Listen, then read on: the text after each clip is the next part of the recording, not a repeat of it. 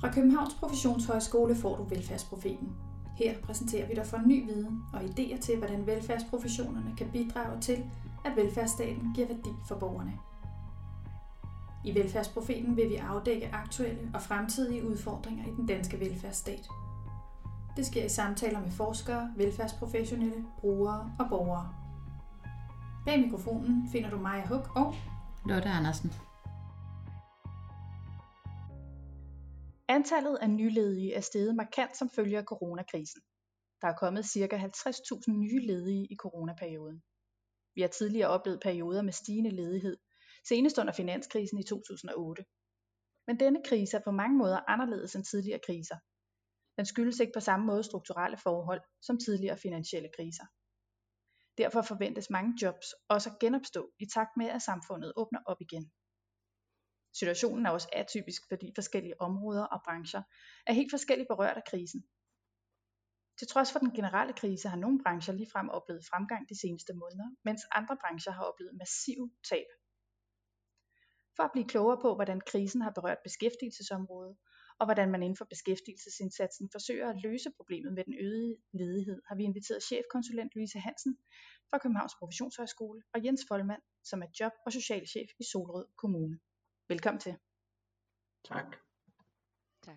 Ja, velkommen til jer begge. Louise, du har jo været optaget af beskæftigelsesområdet det meste af dit arbejdsliv, og du har skrevet en række bøger om beskæftigelsesområdet. Du har været ansat i den kommunale sektor, og du har undervist både på socialrådgiveruddannelsen og på hvad hedder det, efter videreuddannelse. Kunne du ikke lige fortælle os lidt om, hvordan oplever du, at øh, coronakrisen har øh, haft indvirkning på beskæftigelsesområdet? Det er fortsat svært at pege på de sådan langsigtede konsekvenser af, hvad krisen kommer til at betyde for praksis, fordi der er en masse ubekendte i forhold til effekterne af de forskellige genåbningsfaser. Men sådan helt konkret, så øh, kan man jo sige, at der øh, har været i færre jobåbninger set over en bred kamp, og det kan indikere en tilbageholdenhed hos arbejdsgiverne. Og selvom øh, mørketal jo har fået en lidt anderledes betydning i denne her coronatid, så øh, er der er også nogle ubekendte i forhold til hjælpepakkerne med lønkompensation, som jo løber ind til den 8. juli, hvor vi ved, at for nuværende er der er mellem 170.000 til over 200.000 lønmodtagere, som er omfattet af de her forskellige programmer. Og øhm, en undersøgelse fra ledernes hovedorganisation i maj pegede på, at op mod hver tredje arbejdsgiver varsler afskedelser, når de her lønkompensationspakker ophører. Kunne du sige noget om, er der nogle faggrupper eller brancher, som er særligt berørt af coronakrisen? Jamen det er jo blandt andet det, vi over en bred vifte kalder oplevelsesøkonomi, hvor at der er en række områder, hvor der er stigende arbejdsløshed, for eksempel inden for hoteller, restaurationsbrancher og andet. Og det rammer jo noget forskelligt i forhold til sådan, de geografiske forskelle, der er på arbejdsmarkedet i en dansk sammenhæng, men samtidig så kan vi se, at øh, forsamlingsforbuddet og grænselukningerne jo også gør, at der er nogle grupper, som kommer til at blive udsat i forhold til at miste deres arbejde og deres indtægtsgrundlag. Og det er jo en udvikling, vi også kunne se under øh, finanskrisen. Samtidig står vi jo også med, at hele den aktive beskæftigelsesindsats har været suspenderet i noget tid nu, og det betyder jo også, at de indsatser, der har været i jobcenter A-kasser, i høj grad har været baseret på frivillighed. Normalt så ser vi jo også sådan en form for skævvridning i forhold til uddannelsesniveau, når der er kriser. Er det også et mønster, vi ser her under coronakrisen? Både og. Øhm, fordi der er jo øh, nogle, øh, nogle store forskelle i forhold til, om faggrupper orienterer sig primært mod det offentlige arbejdsmarked, hvor der også har været nogle udfordringer, men jo slet ikke sammenlignet med det private arbejdsmarked, som i høj grad har været berørt af den nuværende situation. Og der kan man jo sige, at øh, der er nogle tendenser til, ligesom under finanskrisen, at det er de kortuddannede og de ufaglærte, som ligesom øh, oplever den højeste stigning i arbejdsløshed. Men hvis man ser på tallene i forhold til de A-kasser, som har oplevet stigende ledighed, så er der også en af de, eller den største A-kasse, blandt andet akademikernes, som har set en stigende ledighed. Men ellers så er det tydeligvis, at det er en, der er en majoritet, som har kortere uddannelse eller ingen uddannelse, som bliver berørt. Og det er jo blandt andet også i forhold til, hvad det er for nogle arbejdspladser, som, øh, som lukker ned eller må sende deres medarbejdere hjem i den her periode.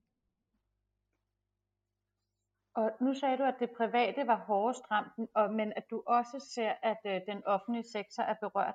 Tænker du, at der på sigt også vil være nogle konsekvenser i den offentlige sektor? Altså stigende ledighed betyder jo, at der er færre indtægter i kommunen og øgede udgifter, og det øh, har jo traditionelt vist haft betydning i forhold til de prioriteringer, som man på et kommunalt niveau bliver nødsaget til at foretage.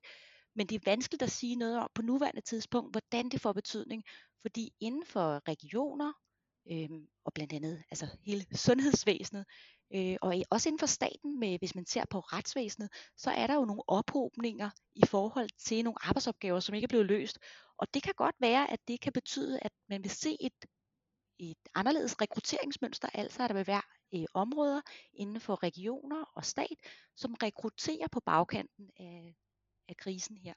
Du var lidt inde på det før, Louise, omkring at der er geografiske forskelle. Kan du sige lidt mere om det? Altså helt overordnet, så er geografi jo noget, øh, noget meget essentielt, når vi taler om beskæftigelsesområdet, fordi at der er meget store forskelle, både i forhold til, hvad for nogle, nogle øh, brancher, sektorer, men også arbejdspladsstrukturer, man har i de enkelte regi- regioner, men også i forhold til øh, befolkningssammensætningen. Og øh, noget af det, vi kunne se med finanskrisen, hvis vi skal blive den parallel, så er det jo, at det, det i høj grad var sådan produktionsdanmark, hvis man kan tale om det, som blev hårdt ramt, og hvor at blandt andet hovedstadsområdet ikke fik lige så øh, høje fald i forhold til, øh, til jobomsætningen. Men noget af det, som de store byer i hvert fald er bekymret for, som følge af coronakrisen, det er jo, at når vi rammer oplevelsesøkonomi, at det kan få en betydning i forhold til andelen af arbejdspladser. Vi kan også se, hvor at der, at der er en koncentration i forhold til nogle af de her øh, hjælpepakker, øh, i forhold til hvor borgerne bor. Så det kan godt være, at det ser anderledes ud, altså at de store byer også på bagkant af coronakrisen her vil opleve en stigende arbejdsløshed. Så oplevelsesbranchen er rammes hårdere i store byerne? det er jo svært at sige på nuværende tidspunkt, fordi at selvom at, øh, at arbejdspladserne eksempelvis ligger i, i de store byer, så er der jo øh, også indpendlere, som, øh, som kan bo andre steder. Men der er ingen tvivl om, at hvis man ser på, hvor at der er en koncentration af for eksempel turisme, men også øh, hoteller, restaurationer, alle dem, som er knyttet op på denne her øh, branche, så, øh, så vil der i hvert fald være nogle bevægelser der hvor at de store byer vil kunne opleve også at få en stigende ledighed. Det har vi, kan vi også se nu, at der, er, at der er i forhold til nogle af de A-kasser, som oplever, at der er flere ledige. Ja, nu nævnte du, at øh, tidligere så har man meget set, at øh, folk uden uddannelse er særligt berørt eller kortvarig uddannelse, men at der også ses en øh, stigning i ledighed blandt akademikere, og noget ja. af det her med de kolde og varme hænder, det er jo en diskussion, der virkelig er blusset op her i nedlukningsperioden. Tænker du, at der kan være nogle, øh, der være nogle, nogle funktioner, som man tænker vil være overflødige fremadrettet? Mm, der kan være forskellige veje at, øhm, at drøfte det i forhold til, men der er øh, jo nogle sociologer, der peger på, at der er arbejdsområder, som i højere grad bliver overflødiggjorte. Øh, nogle af jer har måske stiftet bekendtskab med det her begreb om pseudoarbejde, og det kunne godt være, at øh, der på nogle områder kan være områder, hvor man må sige, jamen det er måske ikke der, der skal være et fokus i øjeblikket, men i højere grad på drift. Og så er der jo også den her nye teknologiske udvikling, som jo et eller andet sted har fået en kickstart for mange af os, og hvor at man måske kan se nogle bevægelser, hvor borgere og virksomheder i højere grad bliver fortrolige med at anvende og inddrage selvbetjeningsløsninger. Og det kan jo godt få en betydning i forhold til den efterspørgsel, vi vil se på sådan nogle mere understøttende funktioner inden for serviceområdet, men også inden for den offentlige sektor. Så det lyder som om, at der kan være nogle effekter, vi ser nu her, og så er der nogle, som vi ligesom må, må se, hvordan kommer det hen over tid. Der har også været debatteret lidt i medierne, altså er der nogen, der falder lidt ud af arbejdsmarkedet nu, som øh, får svært ved at finde fodfæste igen? Er der nogen, der sådan er i særlig risiko for langtidsledighed på baggrund af sådan en periode her? Nogle af de målgrupper, som, øh, som der på beskæftigelsesområdet altid er i risiko for øh, langtidsledighed, det er jo blandt andet målgrupper, som har sparsom uddannelse eller sparsomme kompetencer. Det kan være særlige udfordringer i form af handicap, unge i udsatte positioner. Det kan også være indvandrere og efterkommere og gruppen af seniorer. Og der er sandsynligvis, som vi har set tidligere, nogle tendenser til, at de grupper, der, øh, der er i kanten af arbejdsmarkedet, kan have vanskeligere ved at fastholde eller opnå tilknytning. Samtidig så er der jo også det, at når jobåbningerne bliver færre, og ledigheden stiger, så har vi nogle grupper af for eksempel dimittenter, og det kan også være noget af det, der, der vil sætte sig i forhold til stigningen af blandt andet akademisk arbejdskraft, at det er vanskeligere for dimittenterne at få fodfæste på arbejdsmarkedet, alene af den årsag, at de ikke har så meget uddannelse, eller slået for, at de ikke har så meget øh, erhvervserfaring.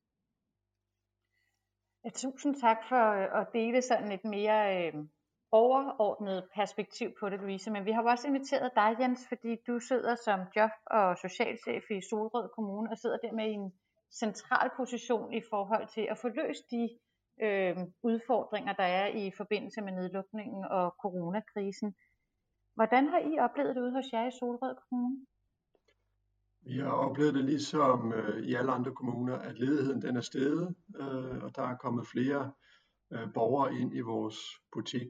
Øh, det har især været dagpengemodtagere og så hvad hedder det, sygedagpengemodtagere. Det er de to målgrupper, som øh, stærkest er slået igennem i vores statistikker, som, som de grupper, der er steget. Og udover at I har oplevet den her stigning, så som Louise sagde, har I også haft en ekstra udfordring i, fordi jeres medarbejdere er blevet sendt hjem. Hvordan har I egentlig rustet jer til den udfordring, eller alle den kompleksiteten i udfordringer?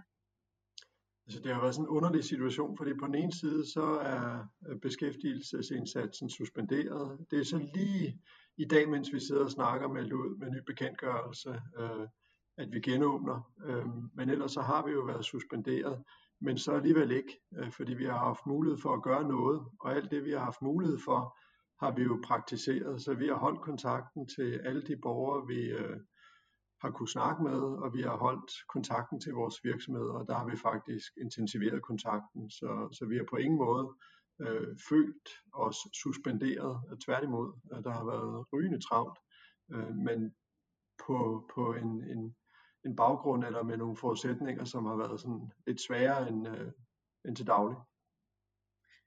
Louise talte tidligere om det her med, at, øh, at fordi kontakten har ændret sig, så øh, er det også, kan det gøre en forskel for den måde, måde man, øh, man arbejder med den enkelte borger på. Er det også noget, I har oplevet, at nogen måske rent faktisk har øh, profiteret af den her lidt mere individuelle telefoniske kontakt, eller hvad det har været? Jeg ved ikke, om, om, om man kan sige, at folk har profiteret sådan ekstraordinært. Altså vi har i forvejen været frikommuneforsøg i forhold til videosamtaler med vores borgere, så vi havde noget erfaring i forvejen. Øh, og jeg tror, holdningen er, at der kan være nogle situationer, hvor det er hip som hap, om du snakker med borgeren på den ene måde eller den anden måde, og så kan der være andre situationer, hvor det personlige møde kan gøre en forskel. Men sådan helt grundlæggende tror vi på, at en, øh, en samtale over Skype øh, kan være lige så god som en samtale, hvor man mødes fysisk. Øh, og lige i denne her situation har der måske i virkeligheden været nogle borgere, som har tænkt, det er meget rart, at vi ikke skal møde fysisk, øh, hvis man nu kan være bekymret for smittefare eller sådan nogle ting. Ikke? Så, så der kan man jo også vende det til øh, noget positivt, at vi kan holde kontakten, men på en anden måde, uden øh, den der smitterisiko, der kan være forbundet med at, at skulle sidde i hovedet på hinanden. Og Jens, nu nævnte du, at øh, I har intensiveret samarbejdet med virksomhederne. Man kan sige, at over de seneste år har der jo sket et skifte, hvor kommunerne arbejder tættere og tættere sammen med de lokale virksomheder, og også har appelleret til et socialt samfundssind, kan man sige, hos nogle virksomheder i forhold til at tage mere udsatte borgere i praktik. Oplever I samme åbning nu her, hvor virksomheden er mere presset, eller vil det være sværere for jer at få de her udsatte borgere ind på arbejdsmarkedet? Man kan sige, at en af de ting, der har været virkelig svært for os, øh, det er at få, øh, få borgere ind øh, på, på hvad hedder det, vores arbejdspladser, fordi vi har manglet nogle af de redskaber, øh, som vi plejer at have. Altså her har suspenderingen af beskæftigelsesindsatsen jo haft en konsekvens. Vi har ikke kunne lave praktikker øh, med fysisk fremmøde på virksomhederne, og det har vi jo brugt som sådan et redskab, hvor folk har kunne få foden inden for døren, og når ikke vi har haft det redskab, så har det faktisk været sværere så har vi skulle tænke i andre baner, øh, og det vi blandt andet har gjort med, med sådan relativt stor succes, men det er jo en lille skala, det er at prøve at få nogle af vores aktivitetsparate borgere ind i nogle af de ordinære timer, der er opstået, øh, for eksempel ude i vores daginstitutioner, hvor der skulle rengøres legetøj og, og så videre. Øh, så der har jo været et behov derude for noget aflastning, og noget har vi selv bidraget med, øh, med egne medarbejdere fra kommunen. Øh, jeg har også haft medarbejdere ude i, i vores institutioner, øh, og noget har så været løst øh, med nogle af vores ledige borgere, øh, og blandt andet nogle af de aktivitetsparate borgere. Så det er jo et godt eksempel på sådan en særlig indsats i forhold til at afbøde den stigende ledighed. Er der andet, I sådan særligt har, har gjort i den her ekstraordinære situation? Altså i forhold til virksomhederne, der har vi sådan en lang liste over tiltag. Øh, det kan være sådan noget som at fremrykke de betalinger, vi har til vores leverandører, øh, fremrykke anlægsprojekter. Øh, vi har skrevet ud til 16-1700 virksomheder, det har vi gjort i samarbejde med Greve. Vi har sådan et erhvervsservice-samarbejde med dem. Vi holder webinarer for virksomheder, digitale arrangementer, nyhedsbreve osv og har også haft øh, en del tæt kontakt telefonisk eller via Skype med, med en relativt stor andel virksomheder. Og det kan være sådan noget som vejledning om øh, hjælpepakker øh, og, og hvad de kunne have brug for øh, i denne her periode. Det kan også være online kompetenceudvikling til deres medarbejdere under krisen. Det kan de også have brug for. Og der har jo også været nogle muligheder, hvor vi har udnyttet øh, de nye tiltag, der er kommet ind fra, fra STAR og Arbejdsmarkedskontor Øst øh, med muligheder for, for digital opkvalificering, både af ledige, men også af eksisterende medarbejdere. Så det der med at promovere og, og sælge øh, det nye, som er kommet her i forbindelse med, med krisen, det har vi brugt altså, temmelig meget krudt på. Og så helt banalt, øh, de brancher, som har haft jobåbninger, de er der jo også. Altså der er jo selv, dem har jeg nævnt, hele plejeområdet, institutionsområdet, øh, rengøring fylder også som en af de brancher, hvor der har været lidt jobåbninger, og så hele butiksområdet. Og der har vi forsøgt at formidle, altså sådan helt øh, øh, gammeldags formidling. Er der et ledigt job, jamen så har vi forsøgt at finde nogle ledige til de jobs og, og få mod på de her virksomheder. Øh, og det lykkes relativt godt, øh, men det har jo ikke kunne modsvare øh, den ledighedsstigning, som vi så har oplevet parallelt med. Og Jens Louise, hun nævnte nogle mere sådan generelle betragtninger på, hvad er det for nogle grupper, der er blevet ledige. Men hvad er det især hos jer? Hvem er det, der er blevet ledige hos jer? Det er de ufaglærte. Altså primært de ufaglærte. Det er den gruppe, der fylder mest. Så kommer der jo formentlig flere til. Øh, der kommer sådan en lille hop. Den, den største ledighedsstigning, den oplevede vi hen over marts måned. Og så er det sådan fladet øh, mere ud hen over april og, og maj. Øh, men lige omkring månedsskiftet, der kommer der jo en, øh, en stigning måned for måned øh, for de grupper, som har haft et opsigelsesvarsel. Så de ufaglærte, øh, dem med korttidsansættelser, dem der har kunne øh, blive sendt hjem øh, med dags varsel, det er jo selvfølgelig dem, der har fyldt mest i ledestatistikkerne til at starte med, og så kan nogle af de andre grupper, funktionærerne med opsigelsesvarsler, øh, komme til her hen over juni og, og juli måned jo også, hvis de har flere måneders opsigelsesvarsel. Så der følger vi jo spændt, hvad der, hvad der sker der. Der har også været tale om at fokusere på de unge, fordi færre unge efter sine i hvert fald planlægger øh, sabbatår øh, som følge af krisen. Har I en særlig opmærksomhed på dem i forhold til, at de skal i uddannelse? Øh, nej, øh, var jeg lige ved at sige. Og så ja, vi har, vi har hele tiden haft en, øh, en, en særlig fokus på vores unge gruppe. Øh, og der har vi så været sådan relativt heldige forstået på den måde, at vi er hårdt ramt som kommune, men vi har også været relativt godt polstret forstået på den måde, at øh, vores tal på ungeområdet ser rigtig, rigtig gode ud. Så den numeriske stigning i antal unge, den har ikke været særlig stor. Øh, og det vi har oplevet i forvejen er øh, en ungegruppe, som er rigtig god til at øh, tage en ungdomsuddannelse. Ude i vores region, Region Sjælland, der er vi den kommune, som har den største andel af 25-årige, som har øh, gennemført en ungdomsuddannelse. Det er regionen, der laver sådan en uddannelsesanalyse hver år. Og stort set hele vejen ned igennem den uddannelsesanalyse øh, ser Solrød Kommune øh, rigtig godt ud. Øh, så der har vi været godt polstret. Så, så når jeg siger nej, så er det fordi, vi gør ikke noget særligt ekstraordinært, fordi det vi gør i forvejen virker rigtig godt, og det bliver vi ved med at gøre her hen over krisen. Så det er et sted, hvor I er stærke. man kan sige, nu øh, er vi jo så småt ved at åbne samfundet igen, og Louise, du har sådan henvist til den tidligere øh, finanskrise, men der er mange, der taler om, at, øh, at åbningen vil se anderledes ud, eller reetableringen af økonomien vil se anderledes ud. Hvad tænker I om, øh, hvad, hvad er den største udfordring på beskæftigelsesområdet nu her, hvor vi begynder at åbne og skal til at have gang i vores økonomi og beskæftigelse igen? Det er jo noget af det, vi har drøftet øh, meget intensivt i den arbejdsmarkedschefkreds, jeg sidder i. Øh, og det her med at give os nogle udvidede muligheder i forhold til vores borgergrupper. Vi har en masse fremragende redskaber i, øh, i forvejen. Der ligger sådan en ordning som sporskifteordningen. Den er sådan øh, arbejdsgiver øh, målrettet øh, og målrettet de nedslidningstruede brancher. Og her kan man få op imod 120.000 kroner per medarbejder til at øh, øh, få en medarbejder til at skifte spor. Kunne man udvide sådan en ordning øh, til os at omfatte sporskifte væk fra en, øh, jeg vil lige vil sige, nedlukningstruet branche over mod en branche, hvor der kan være jobåbninger. Og så kombineret med, at man åbner for øh, målgrupper, øh, flere målgrupper til nogle af de uddannelsesordninger, der også ligger i vores system. Der er nogle øh, begrænsninger i forhold til, hvad for nogle målgrupper, der kan få regionale puljemidler til uddannelse og opkvalificering.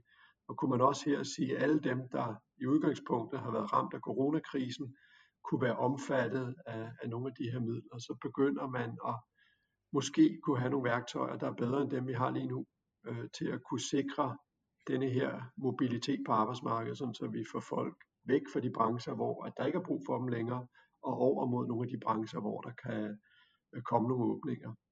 Alt det skal så kombineres med nogle grundige analyser af, hvor det så er, at der er behov for nye medarbejdere, sådan så vi ikke kaster øh, gode penge efter noget, der ikke rigtig har en stor effekt. Men, men lige nu, øh, det var også noget, det Louise var inde på, så er der brancher, som er i knæ, øh, og det er ikke her, at vores ledige kommer tilbage lige i første omgang, i hvert fald ikke alle sammen.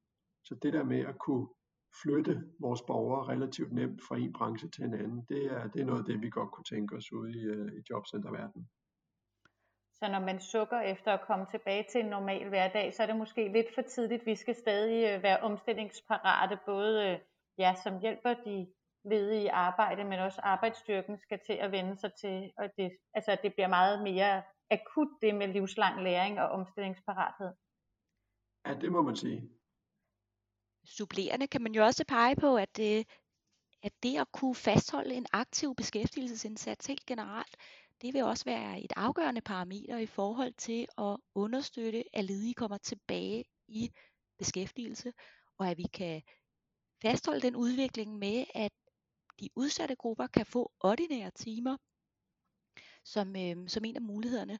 Og i tråd med Jens, så, øh, så tror jeg også, at det her med at tænke opkvalificering og uddannelse mere aktivt ind, øh, og det gør kommunerne jo allerede, og A-kasser også, men, øh, men at kunne se lidt skarpere på, hvordan kan vi få vind i sejlene på de ordninger, som allerede er, og det kan være både voksenlærlingeordninger, det kan være 6 ugers jobrettet, men det kan også være nogle af de grupper, som er i risiko for langtidsledighed, blandt andet fordi de er kortuddannede, eller at deres arbejdsmarked er svindende i forhold til de kompetencer, de har, at de får en understøttende indsats, som gør, at de kan blive faglærte. Det er en fremragende pointe. at Vi, vi har jo også en situation lige nu, hvor alle har fokus på de nyledige. Øh, og så har vi den gruppe, som var ledige inden at krisen ramte os, og de står jo også og er sådan relativt bekymrede for, at de nu kommer øh, bagerst i køen, både i forhold til nye tiltag, men også i forhold til de arbejdsgivere, som øh, efterspørger arbejdskraft. Øh, der, der vil man jo naturligt nok tænke, at den person, der lige er blevet ledig med en masse kompetencer fra en spændende branche, er mere interessant end mig, der har gået ledig en, øh, en halv års tid eller noget af den stil. Ikke? Så, så det der med at fastholde fokus på gruppen af gammelledige, hvis man skal kalde dem det, og så, og så gruppen af nyledige, øh, så man ikke favoriserer den ene gruppe frem for den anden. Det er også noget af det, vi har fokus på. Og men noget af det, man har set her i nedlukningsperioden, det har været et tæt samarbejde mellem øh, regeringen og arbejdsgiver og arbejdstager. Og øh, altså, man kan sige, der har jo også, som jeg nævnte tidligere, været det her øh, tættere samarbejde mellem kommune og virksomheder. Kunne I prøve at sige lidt om, hvad er det for nogle opgaver, der ligger så henholdsvis hos staten og i kommunerne, og så mere øh, på arbejdsmarkedet og civilsamfund, hvis den her opgave skulle løses? Altså tilbage til det, jeg sagde før. Det, vi har allermest brug for, det er de redskaber, som bliver vedtaget centralt og, og udviklet af STAR, som i øvrigt har været fremragende undervejs i, i krisen her, i forhold til at tilbyde os nye muligheder for øh, virtuelle opkvalificeringsforløb og kurser. Øh, så tænke mere i, i, i de baner. Alt, hvad de kan udvikle af redskaber, som vi kan bruge, altså det, det, det vil være godt, og det er der, de har en rolle. Så skal vi nok gøre alt, hvad vi kan for at bruge de nye redskaber øh, og sikre, at vi, øh, at vi får holdt gryden i kog. Det er sådan det der gamle billede med, at øh, vi varetager udskiftningsbænken og sørger for, at dem, der sidder på, på bænken midlertidigt, at de er klar, når der bliver øh, kaldt på dem inden for banen af. Øh, og jo bedre redskaber vi har til at gøre dem klar, øh, jo, jo bedre kan vi løse vores opgave. Nu pegede selv på det her med ungegruppen tidligere, og noget af det, der, øh, der er bekymrende i forhold til målgrupper, er jo blandt andet, at der normalt er en sammenhæng mellem, at når vi har gunstige forhold på arbejdsmarkedet, så har det en afsmittende effekt for samtlige målgrupper. Men der har vi set, at særligt de udsatte unge, som jo er en lille gruppe heldigvis, men der har, de har ikke på samme måde fået gavn af det opsving, der var før coronakrisen. Og der kan godt være en bekymring i forhold til, at når der er faldende jobåbninger, så kan det også betyde faldende muligheder for at komme i uddannelsespraktikker og færdiggøre sin uddannelse. Og det kan godt uh, give en, uh, en bekymring i forhold til lige præcis den gruppe, som, uh, som kommunerne måske har prioriteret at sætte i brobygningsforløb og andre typer af indsatser, som vi ved er rigtig virkningsfulde i forhold til lige præcis udsatte gruppen. Så der kunne godt være noget særligt der, man skulle have en opmærksomhed på. Det, det, ja, fuldstændig. Jeg tror, det var vores han boligminister, Kåre Dybvad, der, der øh, lancerede nogle tiltag i forhold til renoveringer og nybyggeri øh, forleden, og hvor han også, som jeg husker det, fik sagt et eller andet om, at der var krav om, øh, om hvad hedder det, øh, at man skulle have praktikanter, øh, eller etablere praktikpladser i forbindelse med de her byggeopgaver. Altså det er jo noget af det, man også kan fra, fra det offentlige side, når man entrerer med private entreprenører. Det er at stille krav om, at de tager nogle unge mennesker ind i nogle praktikpladser.